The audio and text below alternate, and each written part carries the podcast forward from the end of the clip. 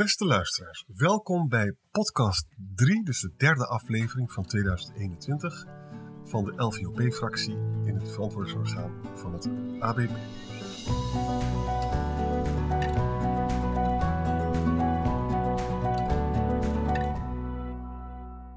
We gaan het hebben over een actueel thema bij het ABP, namelijk belangenverstrengeling.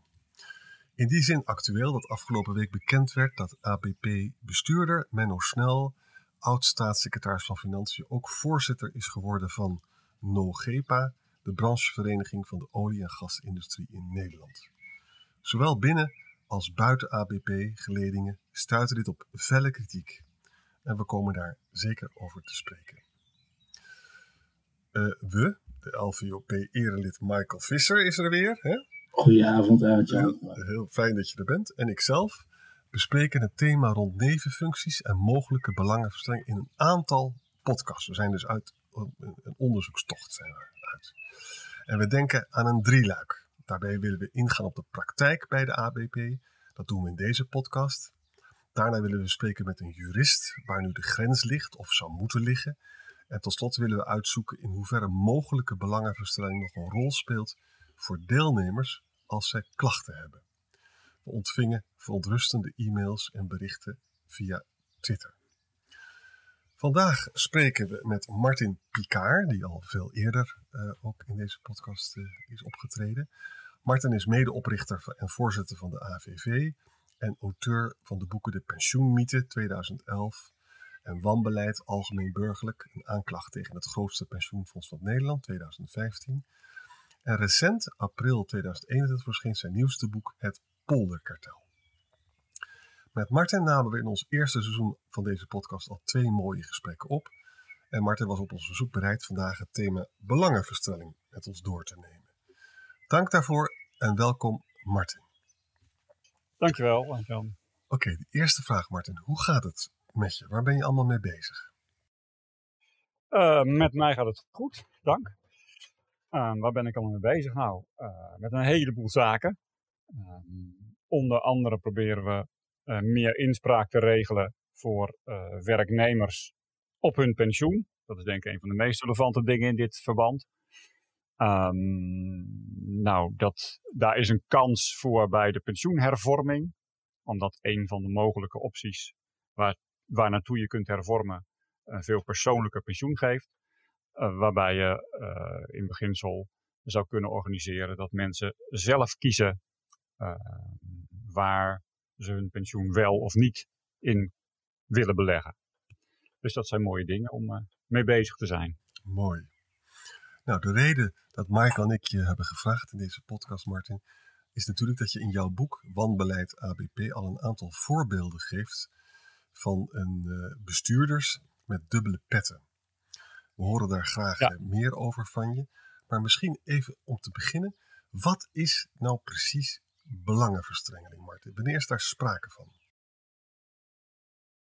Nou, er is natuurlijk sprake van als er uh, verschillende, mogelijk conflicterende belangen zijn uh, bij uh, een persoon met een, eh, met een belangrijke positie in het ABP. Um, ehm, een van de meest pregnante voorbeelden die mij voor de geest komt is van Elko Brinkman. Uh, een van de voormalige voorzitters van het ABP. Ik geloof zo'n beetje de eerste tien jaar van deze eeuw.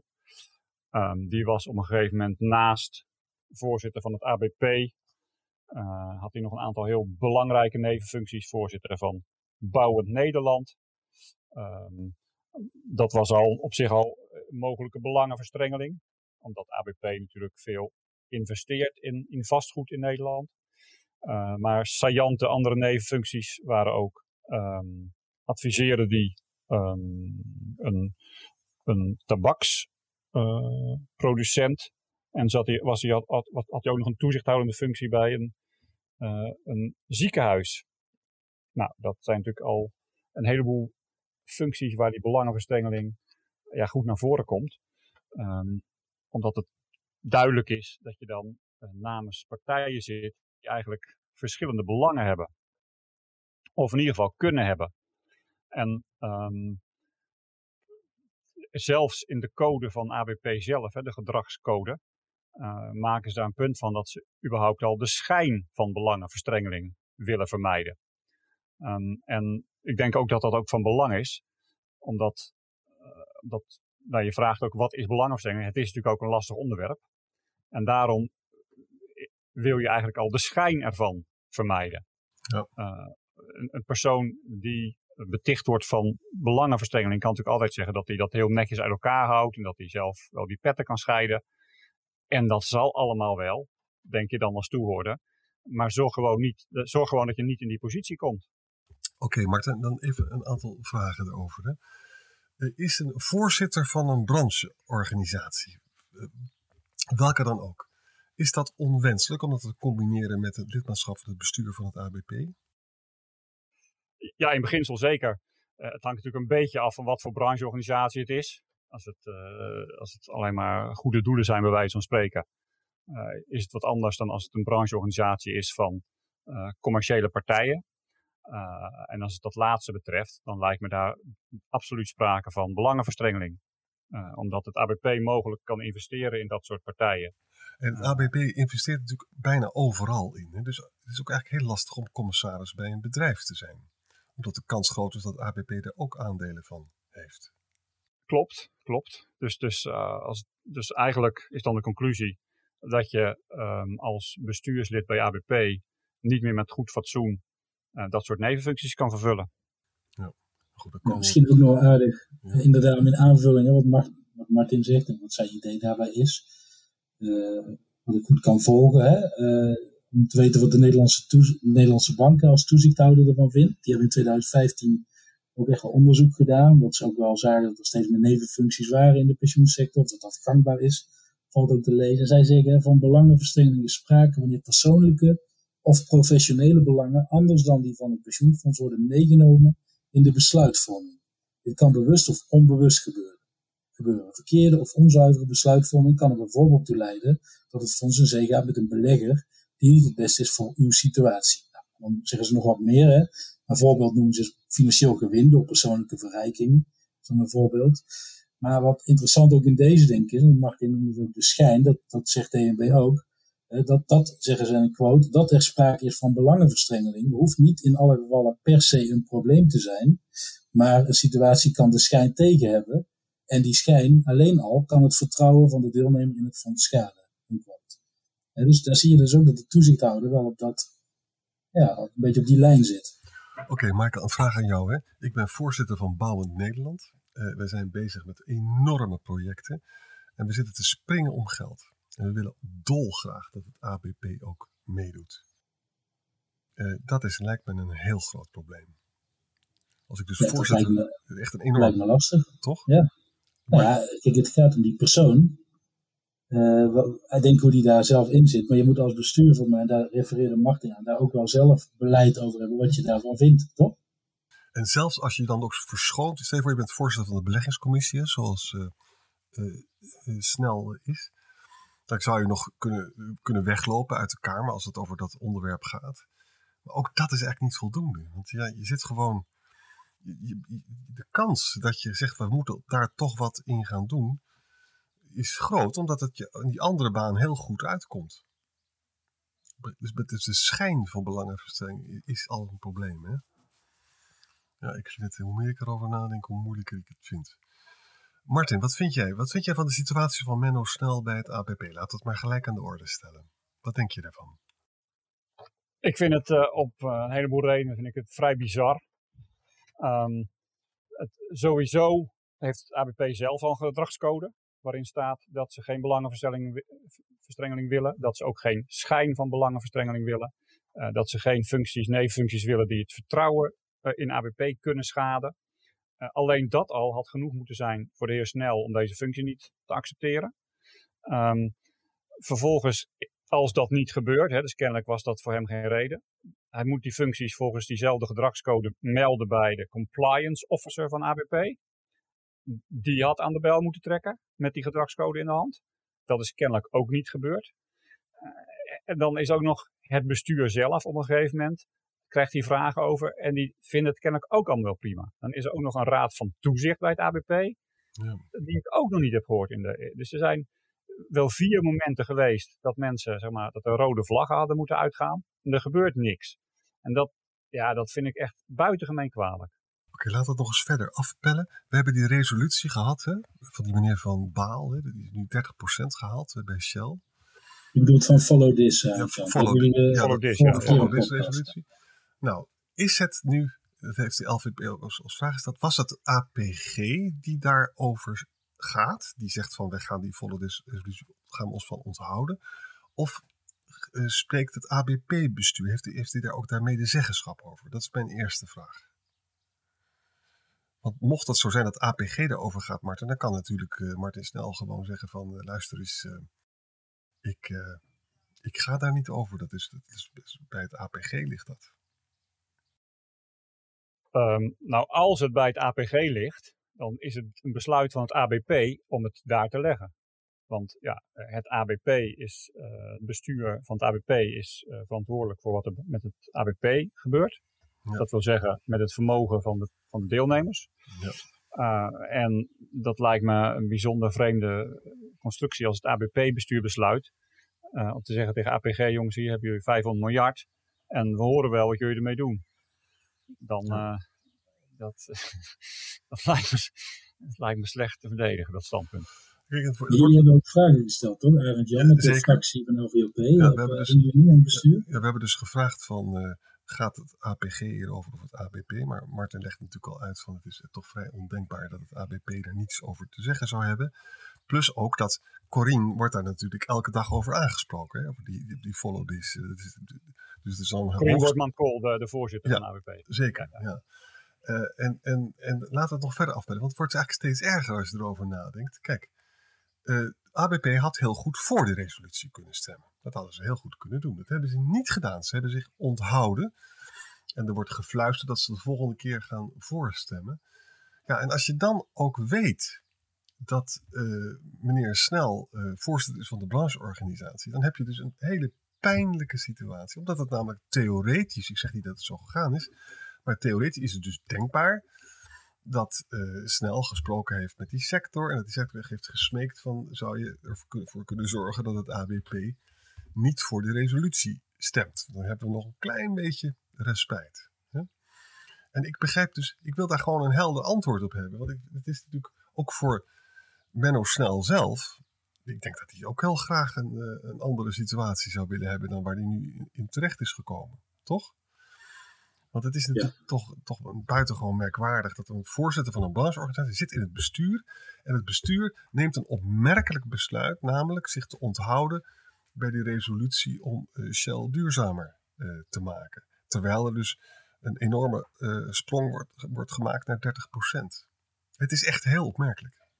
Wat vind jij? Jullie hebben die vragen ook breder. Ja. Wat ik opmerkelijk vind is dat het, het, het, het, is dus theoretisch denkbaar, als het zo is dat ABP daar medezeggenschap over. Daar ga ik even vanuit, hè. dat moeten we allemaal nog onderzoeken.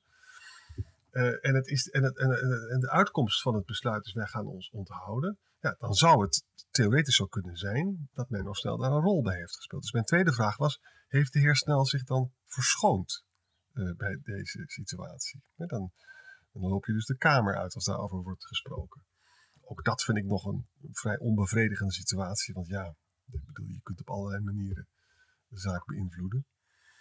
Dus eerlijk gezegd hoop ik dus voor uh, uh, de oud-staatssecretaris dat die kan zeggen van ja, ik, uh, de APG heeft dat helemaal eigenstandig gedaan. Maar ja, Martin legt uit dat dat, die, die, dat, lijkt, dat, vindt, dat vindt hij een merkwaardig idee, dat dat eigenstandig zou kunnen gebeuren. Toch, Martin?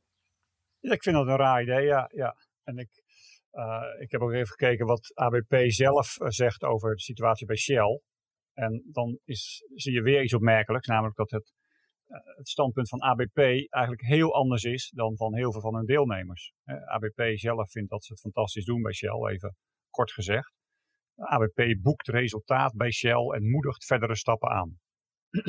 ja. Ik denk dat heel veel mensen die zich hiermee bezighouden het gevoel hebben dat ABP juist he helemaal geen resultaat boekt bij Shell. Dat ze zich bij uh, belangrijke resoluties onthouden en dus hun invloed niet gebruiken. Um, en ja, moedigt verdere stappen aan, dat is natuurlijk nogal vaag. En, en dat is eigenlijk ook weer. Dit, is ook kijk, een van, de, een van de argumenten vanuit sociale partners om juist hun eigen mensen in het bestuur te benoemen, hè, dus de vakbonden en de werkgevers, is toch vaak ook vanwege ja, de worteling in de maatschappij. En dan, het hoeven niet per se professionals te zijn als ze maar een gevoel hebben wat er leeft in de maatschappij en dat soort argumenten. Nou ja, dat, dan kun je wel extra vraagtekens hierbij stellen, want dat blijkt dus nergens uit. Exact, ja. Ik kan me dus zo voorstellen, maar dan moet uh, meneer Snel zelf maar uh, uitleggen. Kijk, hij denkt misschien, we gaan met die organisatie die, die in aardolie en gas zit, gaan we nu een grote duurzaamheidsslag maken. En dat vindt hij interessant, die transitie. En daarom wil hij daar graag aan meewerken. Dat kan ik me allemaal heel goed voorstellen. Wat ik me niet kan voorstellen is dat het zakelijke argument is, je moet gewoon geen voorzitter van een brancheorganisatie in het APP-bestuur. Dat is niet verstandig. Niet doen. Bij de Nederlandse bank zou dat ondenkbaar zijn. En de Nederlandse bank is, is een toezichthouder, dat weet ik wel. Maar ik vind dat bij het ABP moeten eigenlijk dezelfde regels wat dit betreft uh, gelden. Hey Arend-Jan, vind je dan dat het alle brancheorganisaties zijn? Want Martin die zegt, ja, als het nou een goede doelenorganisatie is, dan zou het wel anders kunnen liggen. En ik, las ook op Twitter uh, van iemand die zei, ja, Stel nou dat die voorzitter was gewoon van een echt pro-klimaatclub. was het dan anders geweest? Dus even om de ideologie eruit te halen. Zit dit in wat hij doet? Of is het überhaupt het voorzitterschap? Nou, ik, ik, ik vind het heel goed dat je dat zegt. Bij de goede doelen hebben we de zogenaamde postcode loterij, jullie wel bekend, waar ontzettend veel geld in zit. En heel veel macht ook zit. En ik vind dat eigenlijk ook onwenselijk. Daar, daar wordt met heel veel geld geschoven. Ik, daar komen we straks op. Maar ik ben dus echt een groot voorstander voor een professioneel bestuur. En die mensen kunnen goed betaald worden, wel WNT. En dan gaan we heel streng zijn op de nevenbanen, waardoor we een hele heldere situatie hebben. En waarom is dat belangrijk? Omdat het ABP ligt elke dag onder een vergrootglas. Het gaat om miljarden. Het gaat om het pensioen van heel veel mensen. Nou, dat gaan we gewoon heel netjes met elkaar regelen. Dus die hele constructie dat mensen uh, een deeltijd werk en daarnaast dus allemaal commissariaten hebben, dat is vragen om problemen. Ja. ja. En dat, dat zie je ook in Martin in zijn boek natuurlijk, in de voorbeelden. Hè? Hij heeft er denk ik nog wel meer. Ik weet dat hij uh, nog een mooi voorbeeld kan uitwerken of een ander voorbeeld. Maar wat mij in ieder geval nog bij is gebleven, ik heb natuurlijk zes jaar in het verantwoordingsorgaan gezeten voor LVOP. En eigenlijk bij ons aantreden na het eerste jaar zijn we gevolgd door Thijs Niemandsverdriet van de NRC toen. Die had een wij, wij, wilden graag meer transparantie over allerlei zaken. Toen zei hij, nou, mag ik jullie dan een jaar volgen hè, bij de vergaderingen, wat je? Natuurlijk, wees welkom, mooi, mooi verslag gemaakt. En uh, een van onze collega's in de fractie toen, Jochem Springen, hè, die, die, zei ook tijdens een van die bijeenkomsten, joh, je kunt je afvragen of dat je met zo'n grote organisatie als het AWP moet laten runnen door bestuurders die maar drie dagen in de week werken, hè, zegt hij. En, en Linda Hilhorst, andere fractielid, zei ja, ze hebben meer geld te beleggen dan de rijksbegroting. En uh, Jochem zegt dan, ja, het is eigenlijk alsof je ABN AMRO in twee dagen in de week bestuurt. Hè? Dus dat geeft maar weer aan van, volgens mij zit dit ook, hè, je krijgt dus allerlei discussies en dan is er een ja, schijn of een belangenverstrengeling. Maar ligt dat ook niet gewoon aan al die nevenfuncties die je hebt, die gewoon ingebakken zitten in een systeem als je parttime bestuurders hebt? Ja, en ik heb daar een theorie over, Martin. Misschien dat ik er helemaal naast zit. Kijk, als je gewoon mensen drie dagen betaalt, dan kom je op 120.000 of 130. Dat staat leuk in het jaarverslag. Dat ziet er laag uit hè, in die wereld. Um, en, en dan vervolgens weet iedereen dat je dan uh, nog allemaal andere banen erbij kan hebben, waardoor je heel veel kan uh, verdienen. Uh, is het eigenlijk niet zo dat deze, dit hele systeem geschapen is ook door de vakbonden? van nou, dan zorgen we dat, dat we kunstmatig dus die salarissen daar laag houden. Terwijl we allemaal weten dat er natuurlijk gewoon andere banen zijn die dat dan allemaal weer ophogen. Is, is dat niet eigenlijk de oorzaak dat het zo is ontstaan, Martin? Nou, of het de oorzaak is, dat zou ik niet durven zeggen. Het is wel wat je nu ziet. Maar ik denk dat het nog als oorzaak kan je misschien nog wel iets een laag daaronder aanwijzen. Vanuit die vakbonden wordt um, het, de, de pensioenregeling expliciet niet gezien als een financieel contract. Het is in hun ogen een sociaal contract met heel veel solidariteit. En dus als het misgaat, omdat, uh, omdat het bestuur verkeerd heeft belegd of het heeft gegokt dat de rente gaat stijgen of wat dan ook, dan, um, ja, dan gaan we dat op een sociale manier oplossen. Ik, ik, ik, geef even weer hoe ze ernaar kijken. En dat betekent dat, meestal betekent dat, dat andere partijen, andere deelnemers, dan ja, meer moeten gaan betalen. En um, vanuit die optiek hoef je dus ook niet financieel deskundig te zijn om dat te besturen. je moet een beetje gevoel, wat ik net ook al zei, je moet een beetje gevoel hebben voor de maatschappij. Nou toont het ABP-bestuur verschillende malen aan dat niet te hebben. Maar goed, hè, dat, even dat terzijde. Dat is volgens mij echt wat, er, wat eronder zit. Als je, als je ook nog kijkt naar uh, wat de, de standpunten van de traditionele vakbonden, ook bij de pensioenhervorming, de discussie van de afgelopen twee jaar, ja, dan, dan zie je dat steeds terugkomen. En, dat, en, een, en een uiting daarvan is dan dat mensen dus dat in deeltijd doen. Uh, dus twee dagen in de week, drie dagen in de week. En dan inderdaad ook nog uh, ja, om, om de verdiensten binnen te halen waar ze kennelijk aan gewend zijn, nog een aantal goed betalende nevenfuncties erbij nemen. Ja. Weet je, ik, ik vind het, als ik het allemaal zo overzie, dan vind ik het een extra argument uh, om dat bestuur echt te professionaliseren. Wij proberen dat steeds aan te kaarten binnen het orgaan, maar we hebben daar een minderheidspositie. We hebben een hele pagina volgeschreven in het Financieel Dagblad. Daar hebben we heel veel reacties op gehad. Maar wat zou het toch veel zuiverder zijn als je gewoon een uh, voltallig bestuur hebt, professioneel, deskundige mensen, en die betaal je gewoon vijf dagen. En je hebt een hele strenge uh, regeling voor de nevenfuncties. En wat mij betreft mogen ze uh, de top van de WNT hebben. Wat is dat? 170.000 bruto of zo, denk ik. Hè? Dat, dat vind ik allemaal prima. Maar ja, de situatie die nu ontstaan is, is natuurlijk dat als je met drie dagen 120.000 kan krijgen, dan doe je er twee commissariaten bij en dan kom je natuurlijk veel hoger uit. Dus het is heel lastig om dit allemaal nog terug te halen. Maar ook wel een moment voor de LVOP. Want je merkt dus bij de FNV is, is heel ongelukkig met deze gang van zaken. En ze vertellen mij ook van ja, wij beginnen ook wel steeds meer een beetje te geloven in, uh, in de noodzaak van een professioneel bestuur. Je hebt ze nu al overtuigd, Arend Jan. Je bent drie jaar bezig. Wat doe je dan? Nee, ik heb ze niet overtuigd, maar sommige individuele leden oh. die zeggen dat. Hè? En, ik, en ik, dat vind ik wel interessant hoor. Van, uh, want dit model is natuurlijk hoogst uh, ongelukkig. Het is echt heel, maar misschien, Arend Jan, om, even, want niet alle luisteraars hebben misschien de vorige podcast, die had jij met Lida den Hartog opgenomen, hè, over dat het ABP naar een nieuw bestuursmodel wil. Hè? Ja. Um, en die heb ik met belangstelling geluisterd. En volgens mij, jullie lichten daar, er zijn wel vijf van die modellen waar je uit kunt kiezen. Nou, iedereen heeft zijn voor- en tegens. Misschien heeft Martin ook wel ideeën daarover. Maar wat ik wel opmerkelijk en interessant vond, ook in die podcast, is dat jullie aangeven dat het ABP-bestuur vindt uh, slagkracht in het huidige paritaire model, hè, dus waar de sociale partners in zitten, of in ieder geval namens sociale partners bestuursleden zitten, overgang naar een nieuw contract. Ehm, maar ook voor een deel omdat het bestuur is met parttimers. Daarom geven zij naar jullie mening aan dat ze naar een nieuw model willen. En het huidige model voldoet niet meer. Dus ze zeggen eigenlijk zelf al dat dat parttime besturen dus ook niet zo ja, fijn werkt. Dat is een tweede argument hè, waarom je het zou moeten doen. Maar ze komen dan dus met het, het omgekeerd gemengd uh, model. Hè? Uh, en daar heb je dus, het is zo ingewikkeld, dan heb je dus de uitvoerend bestuurders, die zijn onafhankelijk. Maar de niet-uitvoerende, dat zijn dus eigenlijk soort toezichthouders, hè, een one-tier constructie, non-executive uh, jongens, hè, die, zijn, die zijn paritair.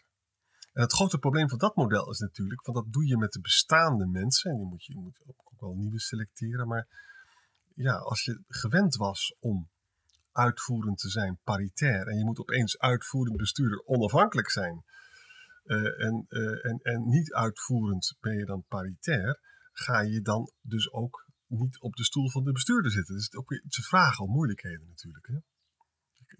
En dat zegt het bestuur zelf ook. We moeten dus die rolvastheid moeten we gaan doen. Dan moeten er allemaal weer dure coachingsbureau worden ingehuurd om te voorkomen dat mensen zich te veel met elkaar gaan bemoeien. En wat hier natuurlijk achter zit, is belangrijk. Hè, van, de, de, de, de polder vindt het ontzettend belangrijk dat die pensioenwereld geworteld blijft uh, uh, bij de sociale partners. En op zichzelf genomen vind ik dat ook een, uh, begrijp ik dat ook goed, maar ik zou zelf zeggen, doe het dan zo dat je een onafhankelijk bestuur maakt, dus niet paritair. Doe dan in, maak van het VO dan een belanghebbende orgaan. En laat dan de pensioenkamer maar bestaan. Dan, dan kunnen dus de sociale partners kunnen dan dus uh, via de pensioenkamer en via het belangenbehartigend orgaan voor hun belangen opkomen. Maar dan hebben we in ieder geval een, een professioneel bestuur. Dat lijkt mij beter. Want ik ben kijk je tegenaan, Martin, wat, als je dit zo hoort? Ja, ik denk, uh, voor mij, er zijn zo, zoveel van die modellen, vijf of, of, of meer nog. Ja. Um, omdat je natuurlijk verschillende aspecten hebt. Enerzijds uh, over het bestuur zelf. Zitten daar nou uh, professionele uh, pensioenbestuurders in of anderen? Nou, het, ik ben het met jullie eens, daar moet je professionele pensioenbestuurders in hebben zitten. Die dat fulltime doen. Dan de tweede vraag is, hoe, heb je het, hoe richt je het, het toezicht daarop in? Ja. En dan, volgens mij, wat er in die modellen terugkomt is, kies je het uh, in Nederland gangbare two-tier model. Dus met, uh, met een extern um, toezichthoudend orgaan, een raad van toezicht of een raad van commissaris of iets dergelijks. Of zet je die in one tier. een one tier, of zet je die in datzelfde gremium. En aangezien, kijk, de voordelen en nadelen daarvan zijn relatief eenvoudig te, te beschrijven natuurlijk bij het, bij het two-tier model ja, uh, zijn de, de, toezichthoudende personen, die staan wat meer op afstand. Dus die hebben wat meer afstand, maar die, die, die krijgen dus ook minder mee ervan. Um, en als het hier gaat om, het, om 500 miljard, uh, kan ik me best wel voorstellen dat een one-tier model hier prima zou werken. Omdat, uh, omdat je denk ik de argumenten die je net noemde, zelf noemde voor een, een sterkere betrokkenheid van de bestuurders. Hè, dus niet alleen maar part-time, maar fulltime Eenzelfde soort argumenten kan je denk ik ook wel loslaten voor de, voor de toezichthoudende personen. Of die nou in een raad van toezicht zitten of in, in datzelfde gremium. Die zullen toch ook iets meer erbij moeten, uh, erin moeten steken dan één keer per maand. Of wat, wat, wat, wat is gebruikelijk in een raad van toezicht? Dat weet ik niet precies. Maar, um... maar misschien Martin, hè, als ik, eh, want ik, wat ik in die podcast hoorde van Lida, die zegt dan, even als haar twijfel bij dit model, zegt ze juist dat de uitvoerend bestuurders volgens ABP geen experts hoeven te zijn als ze maar voeling met materie en speelveld hebben. En dat stelde haar in ieder geval niet gerust, zei ze. Dus, dus in die zin is ook wel natuurlijk, ja, professionals. Ja, wat voor professionals, hè? Professionals in het besturen zelf, voeling hebben met de maatschappelijke organisaties of in het financiële product. Ja, voeling met, hadden we het net ook al even over, voeling met. En als ik dan kijk naar hoe ABP reageert op bijvoorbeeld de casus Shell, maar ook, kan ook wel een aantal andere casussen uit het verleden op, opnoemen. Dan, dan heb ik daar sowieso vraagtekens bij hoeveel voelingen ze eigenlijk hebben. Um, en dat is ook een beetje, ja, aan wie vraag je het precies? Um, in ieder geval is het, um, ja, kun je daar veel meer discussie over hebben, denk ik, dan over een aantal andere zaken. Ja. En ja, voeling met. Kijk, laten we, het, laten we het omdraaien. Stel, je hebt een, je hebt een orgaan dat de pensioenregeling uitvoert van een heel grote sector in Nederland. De overheid en semi-overheidssector. En um, die, die beschikken over 500 miljard. En hun grote klant zijn de sociale partners van die sectoren. Ja. Dan lijkt het me toch ook in het belang van dat orgaan zelf om daar mensen neer te zetten die kunnen spreken in ieder geval met deze, met, met deze grote klant. Ja, maar nou heb ik gewoon een, vraag van een uh, eenvoudige boer die kiespijn heeft. Namelijk, uh, kijk, ik kan me heel goed voorstellen, de, de, de uitvoerende bestuurders worden dus door de sociale partners benoemd hè, in dit... Uh, nou, er komen er misschien mensen in die, met een, die heel veel voeling met de vakbond hebben. Misschien wel ex-vakbondsbestuurders zijn, wie zal het zeggen. Hè? En terwijl er dus Mag ik even in, in, in, dit model, eh, misschien moet je even expliciet zeggen over welk model dat je is, hebt. Dat is een omgekeerd gemengd model. We hebben dus uitvoerend bestuurders. Dus het, en middelste, zeg maar even. In dit, uh... Ja, het middelste.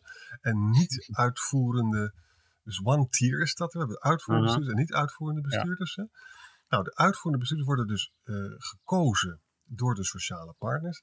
En mijn punt is eigenlijk een hele simpele. Ik denk dat het heel moeilijk is om een pensioenfonds te besturen. Ik denk dat daar veel expertise voor nodig is. En ik heb het mhm. gevoel dat die in het verleden, door, het, door de sociale verworteling, dat dat niet altijd uh, top was in het verleden. Dat, dat er daardoor misschien ook wel fouten zijn gemaakt. En met andere woorden, ik vind dit geen garantie dat met omgekeerd gemengd de kwaliteit van die uitvoerende bestuurders hoog is.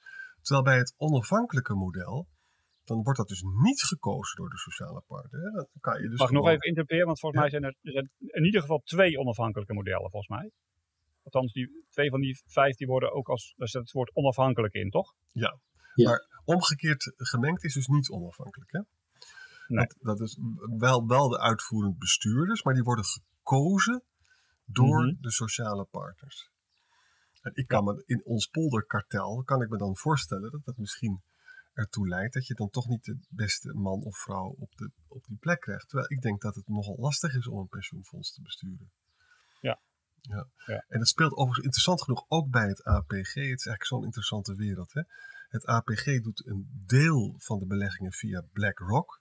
Nou, ik, ik, ik heb daar allemaal uh, droombeelden bij, of fantasieën bij. Die komen, BlackRock komen daar naar binnen of ze gaan naar BlackRock toe.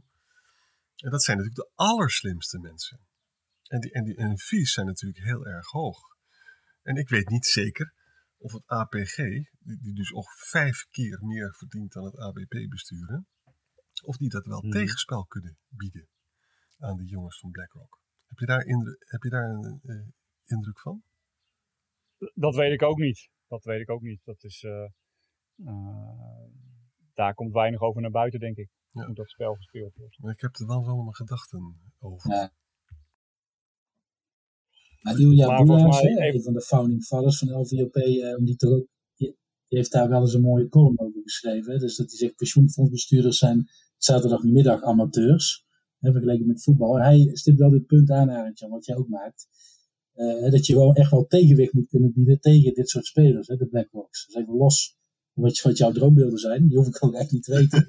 maar, maar inderdaad, dat je daar mensen hebben die daar wel tegenwicht kunnen bieden en, en van de hoed en de rand weten. Dat zegt hij. En dat heeft bijvoorbeeld ook Kees Grimberg natuurlijk met Zwarte Zwaan. Hè. Daar kun je van alles van vinden op de manier waarop. Hè. Maar hij stelde wel die vragen. Hè. En, um, uh, dus, dus uh, ja, ik kan me wel voorstellen dat je daar vragen bij hebt. Ja. Ja. En, en, de kosten dus van. Uh... Maar is dat dan bij een echt onafhankelijk model? Ja. Ja, ik wil gewoon dat, er, dat, er, dat, dat je zo deskundig mogelijke mensen uit de markt kan halen. En die, moet je wat mij betreft ook gewoon goed betalen. Maar wel, WNT vind ik hier belangrijk, eh, omdat het, uh, het, gaat om het ABP. Dat is overigens een probleem. In onze hele samenleving zijn de ziekenhuisdirecteuren zijn veel meer gaan verdienen dan vroeger. Hè? Vroeger verdiende ziekenhuisdirecteur 120.000 bruto in guldens. Hè? En tegenwoordig is dat ook allemaal veel hoger. Uh, en daardoor hebben we dit, dit nu allemaal gekregen. Nu zien we de pendule weer een beetje de andere kant uh, omgaan. Het zou trouwens ook voor de vakbonden onacceptabel zijn om uh, ze nog meer te laten betalen. En de hele APG-constructie was natuurlijk ook bedacht omdat dan konden de lonen ook hoger zijn. Denk je niet, Martin, dat ze dat op afstand hebben gezet? Dat, nou, de formele reactie, de formele reden was natuurlijk een andere.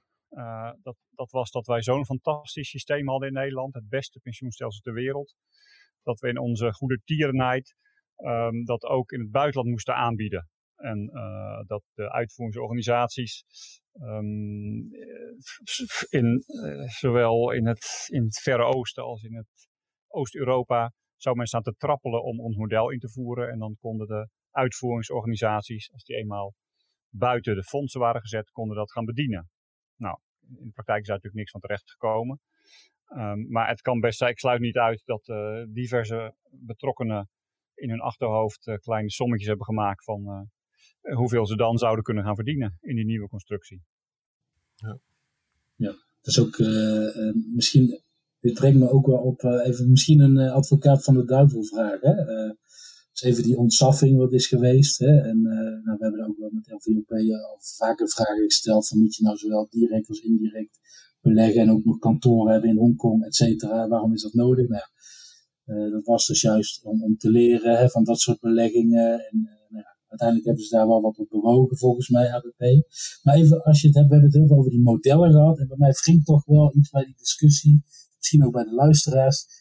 Valt niet Hè, eigenlijk, ja, welke bestuurders je er ook neerzet. Hè? Als je nou helemaal kiest voor onafhankelijke professionele bestuurders, kun jij me dan garanderen aan het Jan dat die niet dit soort fouten maken die er in het verleden zijn gemaakt. Of ook niet die contacten hebben met branches die je niet, niet wil. Dus zou je niet gewoon veel meer macht gewoon bij ja, de mensen, de pensioenspaarders moeten leggen. En dat hè, hen gewoon een stem geven en dus ook invloed echt laten kunnen uitoefenen en zeggenschap. Nou, dat is een heel goed argument wat je daar doet. Kijk, er zijn natuurlijk voorbeelden van pensioenfondsen die totaal geprivatiseerd zijn in Amerika. Die een onafhankelijk bestuur en die de meest verschrikkelijke dingen hebben gedaan. Hè? Die gewoon veel te weinig dekkingsgraad hadden en dan nog agressiever gingen beleggen.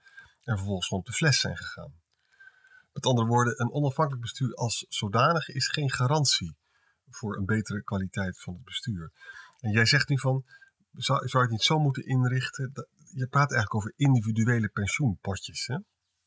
Dus dat, maar ja, ja, volgens mij heeft Martin pleit daar al jaren natuurlijk voor, volgens mij. Uh, dat dat misschien wel eens de weg hieruit is, toch? En dat mensen met hun benen kunnen gaan stemmen. Ja, en, en kijk, die discussie is lastig, hè, omdat, het, uh, omdat in de, de basis is vaak een, uh, een arbeidsvoorwaardelijke uh, afspraak. Dus de werkgever betaalt een bepaald deel pensioenpremie. Ja. En vaak zit daarbij dat het om het, om het administratief uh, te, te behapbaar te blijven, wordt het aan één partij afgestort. Um, het is a priori niet gezegd zeg maar, dat werkgevers dezelfde afspraken wensen te maken als het uh, ja, als, daar, als de administratieve kosten exploderen, omdat je zeg maar, uit, uit een heleboel verschillende partijen kan kiezen. want dan, dan uh, op het moment dat je het helemaal vrijgeeft, dan, um, ja, dan is het uit de extreem lucratieve markt in Nederland met 1700 miljard. Ja. Dus dan zullen er wel heel veel aanbieders gaan komen. Dus dat je daar een soort, in ieder geval een default in legt, vind ik op zich niet zo raar. Um, maar um, het kan tegenwoordig al heel makkelijk om in ieder geval te zorgen dat jij voor jouw persoon, persoonlijke pensioenpotje aan kan geven dat je dat duurzamer belegd wilt hebben. Dat je het niet in tabak belegd wilt hebben. Dat je het niet in clusterbommen belegd wilt hebben. Uh, dat je het uh, niet in fossiele, fossiele energiesector belegd wilt hebben. Dat, dat kan tegenwoordig. Alleen ja, de sociale partners en of het bestuur moet dat wel willen implementeren. Ja. En aan die wil ontbreekt het gewoon. Omdat men denkt dat men het zelf beter weet. Dat is een heel paternalistisch ouderwets standpunt in mijn ogen. Ja. Uh, ik denk dat een heleboel van die dingen al, dat, dat de sector al veel verder verduurzaamd zou zijn als mensen uh, meer zelf te zeggen hadden gehad. Dat denk ik ook, ja. Het, ja. Dit, dit uh, speelt ook bij die, die opinie van professor Leen Paap, hoogleraar Corporate Governance aan de Universiteit Nijrode, en Mick Breek, zelfstandig bestuursadviseur. Die publiceert op 1 juni op Pensioen Pro. Even een citaatje. De risicoverschuiving brengt ons inziens met zich mee dat we een stap verder moeten gaan. Geef deelnemers, slapers en gepensioneerden directere zeggenschap en meer invloed op de beleggingen, de uitbesteding en de kosten van het fonds. En beweeg toe naar professionele pensioenfondsbesturen. Die worden gecontroleerd en afgerekend op hun prestaties door het intern toezicht raad van commissarissen of een niet uitvoerend bestuur, met een ledenraad of participantenvergadering als hoogste orgaan van het fonds. En, en dat betekent dus dat je dan, uh, en dan zou je eigenlijk ook nog een beetje concurrentie tussen die pensioenfondsen moeten hebben. En dat je makkelijk kan overstappen. Hè? Mm ja. ja, dat is, maar volgens mij is dat, hè, dus inderdaad voor mij die opinie die jij nu aanhaalt, die quote, die sluit denk ik aan, aan Jan ook bij nou, jullie inzet in het FD in december 2020. Ja. Hè, van professionele besturen, meer inspraak voor deelnemers, slapers en gepensioneerden. Nou, zijn we dat misschien al wat uitgewerkt, er ook andere ideeën bij. Uh, en Martin, als ik het goed heb begrepen, die geeft aan, ja, je kunt die, die keuze op twee niveaus doen. Hè. Eén, je kunt uh, in zo'n premie, nieuwe premieregeling die gaat komen, zelf je profiel kiezen, dus bepaalde zaken uitsluiten. Dat kan niet in beide contracten, daar hebben we het eerder ook over gehad, kunnen we misschien zo nog iets over uitweiden. Maar uh, nou ja, sociale partners hebben nu in ieder geval voorkeur gegeven aan een, het nieuwe pensioencontract. Waarin dat dus niet of heel lastig mogelijk is. Terwijl er mm -hmm. nu al regelingen zijn waar meer dan een miljoen deelnemers zijn waarin dat wel kan, zo'n profiel kiezen. Dus dat is op het niveau van keuze voor bijvoorbeeld beleggingen. En het andere is denk ik echt de vrijheid van de keuze voor een pensioenuitvoering. En Martin, als ik jou begrijp, zeg je ja, dat is wel in een sector nu in Nederland met 1700 miljard, met nog zoveel fondsen zeg ik er dan maar even bij. misschien wel ondoenlijk en ook een stap te ver. Klopt dat? Nou, zover zou ik niet willen gaan. Maar als ik zelf werkgever zou zijn en ik zou afspraken maken met, uh, over, over heel veel mensen, uh, over een, een, pensioentoezegging of in ieder geval een premietoezegging, dan zou ik wel hechten aan uh, een, zekere administratieve eenvoud. En dus de zaak in beginsel naar één partij afstorten. Ja. Um, ja. Dus, maar, dus iedereen die niet kiest, nou ja, we weten allemaal dat bij, dat, bij defaults blijft meestal de overgrote meerderheid van de mensen hangen bij die default. Ja. Uh, en als dat een goede keuze is, is daar ook niks mis mee. Zodat je het in ieder geval um, ja, administratief probeert te voorkomen dat het een, uh, ja. dat het een wirwar van regelingen wordt. Maar het kan dan, wel. In, in, de, in, Zweden, ik geloof, of Denemarken, in Zweden denk ik, in Scandinavische landen is het zo dat bijvoorbeeld sociale partners kiezen hun voorkeursuitvoerder. Hè, daar maken ze afspraken mm -hmm. mee. En daar doe je in mee. Uh, en ja. de paar, wat jij zegt, de meeste deelnemers gaan daarin mee. Maar je kunt altijd zeggen, nee, dat wil ik toch niet. Om wat voor reden een stapje naar een ander, toch? Ja, nou, dat, dat lijkt me ook, uh, je moet, moet, zou ook moeten kunnen.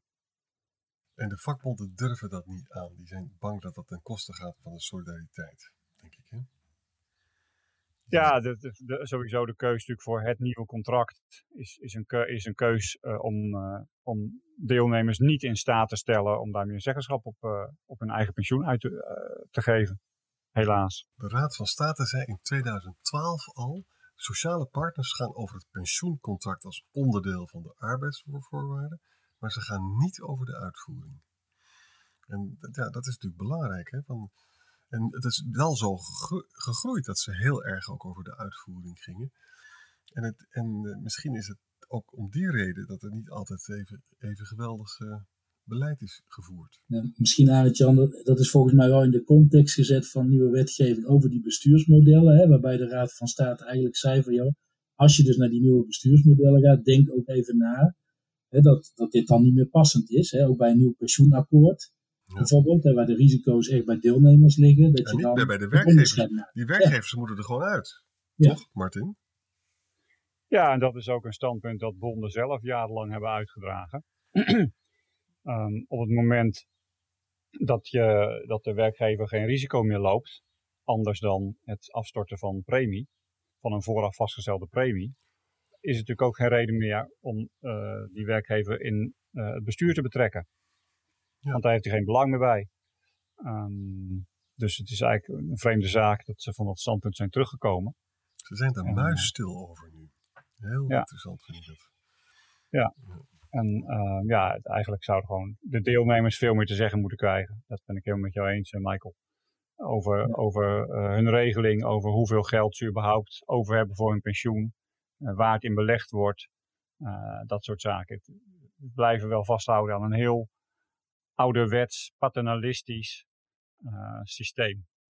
Ja. Nou, ik vind zelf, bedoel, dat kan ook deels ideologie zijn of hoe je in het leven staat. En la, laat ik zeggen, ik, eh, ik, denk ook, ik ben ook wel van de bescherming, maar ik denk dat dat tegenwoordig juist door die ja, defaults, noem je dat, standaarden, dat je mensen gewoon kunt beschermen die niet willen of kunnen kiezen. En dat echt voor mensen die je wil laten kiezen, dat het kan. Natuurlijk, ik ken ook de tegenargumenten als je veel uitvoerders hebt waar je uit kunt kiezen, dat die jou dadelijk met allerlei reclames uh, om te gaan switchen, gaan verleiden met een iPad, et cetera.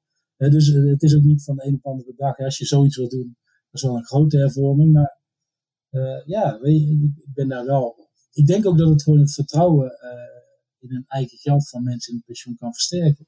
Ja. Ja, ja. Alleen de weg ernaartoe, jongens, is, is lang. Want uh, bij, bij, bij de bestaande krachtsverhouding in het VO gaat dat gewoon niet gebeuren.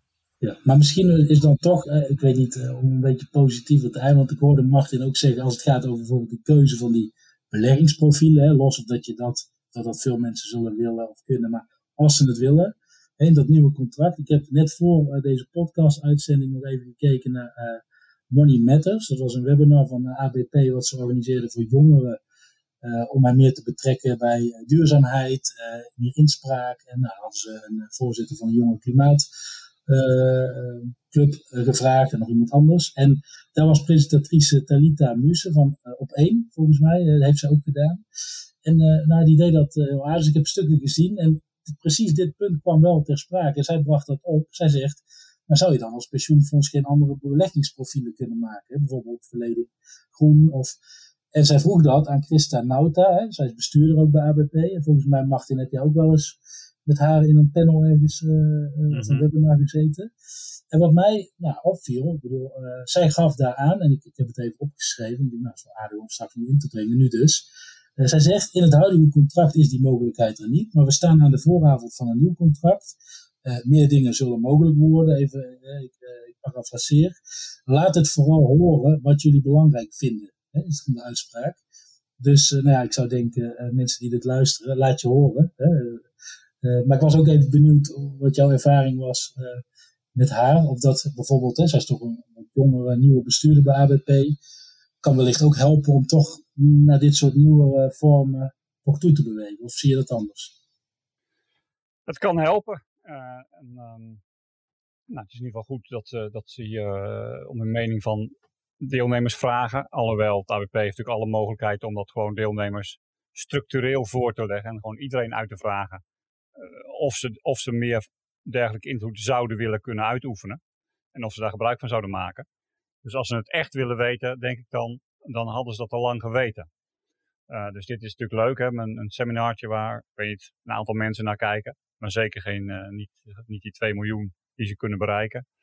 Um, het klinkt een beetje als, nou ja, we laten zien dat we iets doen.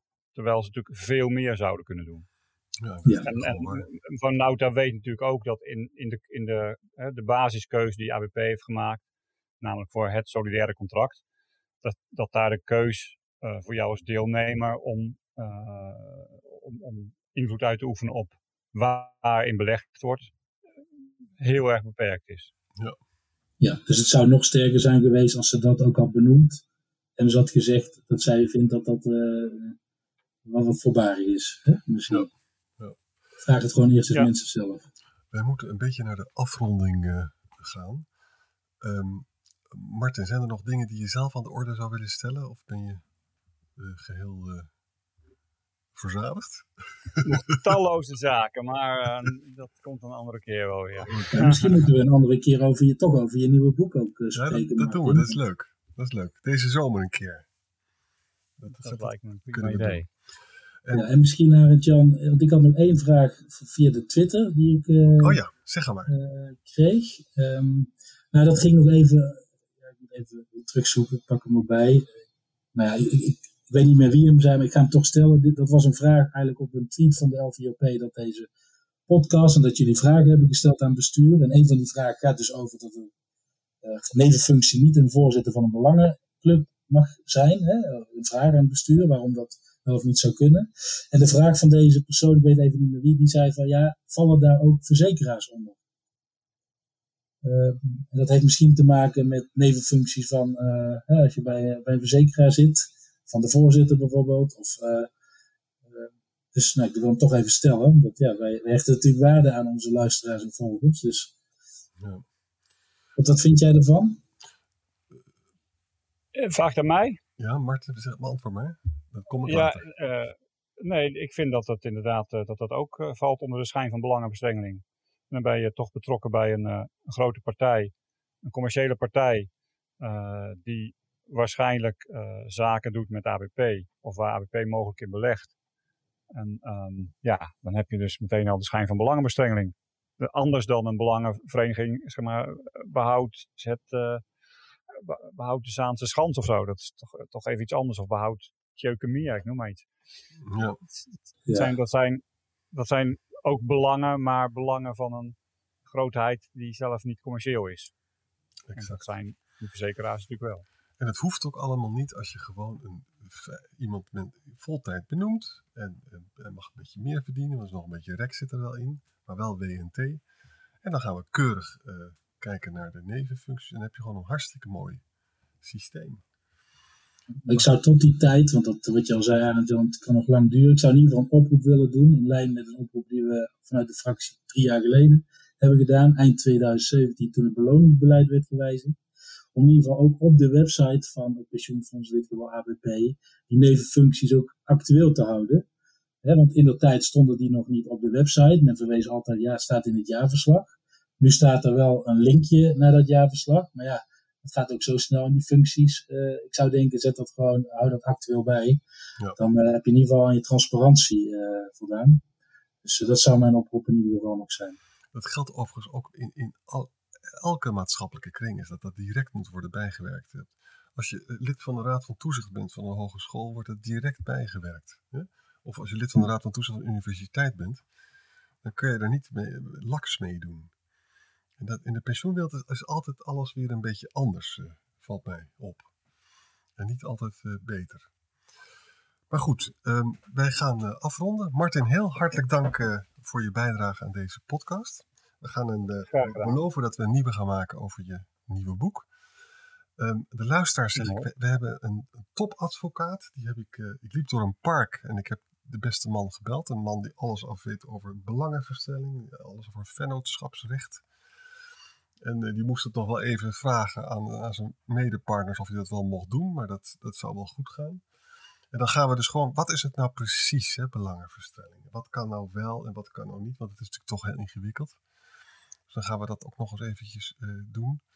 Ja. En misschien dat we nog wel een derde maken, Michael. Hè? Dus we zijn het gewoon op, onze, we zijn op onderzoek uit toch? Ja, nou zeker. Maar dat leven echt, want uh, op de aankondiging, op de socials, kwamen veel vragen, reacties. We kregen mails van mensen met hele casussen. Dus dit leeft. En niet alleen uh, even op bestuursniveau. Hè. Er zit bijvoorbeeld ook nog iets in de hele klachtenprocedure bij uh, ABP. nou, in ieder geval kregen wij mee. Dus nou, laten we gewoon eens op onderzoek uitgaan en kijken wat daar speelt. Gaan we doen. Martin, nogmaals heel hartelijk bedankt. Michael, jij ook heel hartelijk bedankt. En luisteraars, graag uh, tot de volgende podcast, podcast nummer 4. En die komt nou binnen twee weken is die er wel, denk ik. Tot de volgende keer.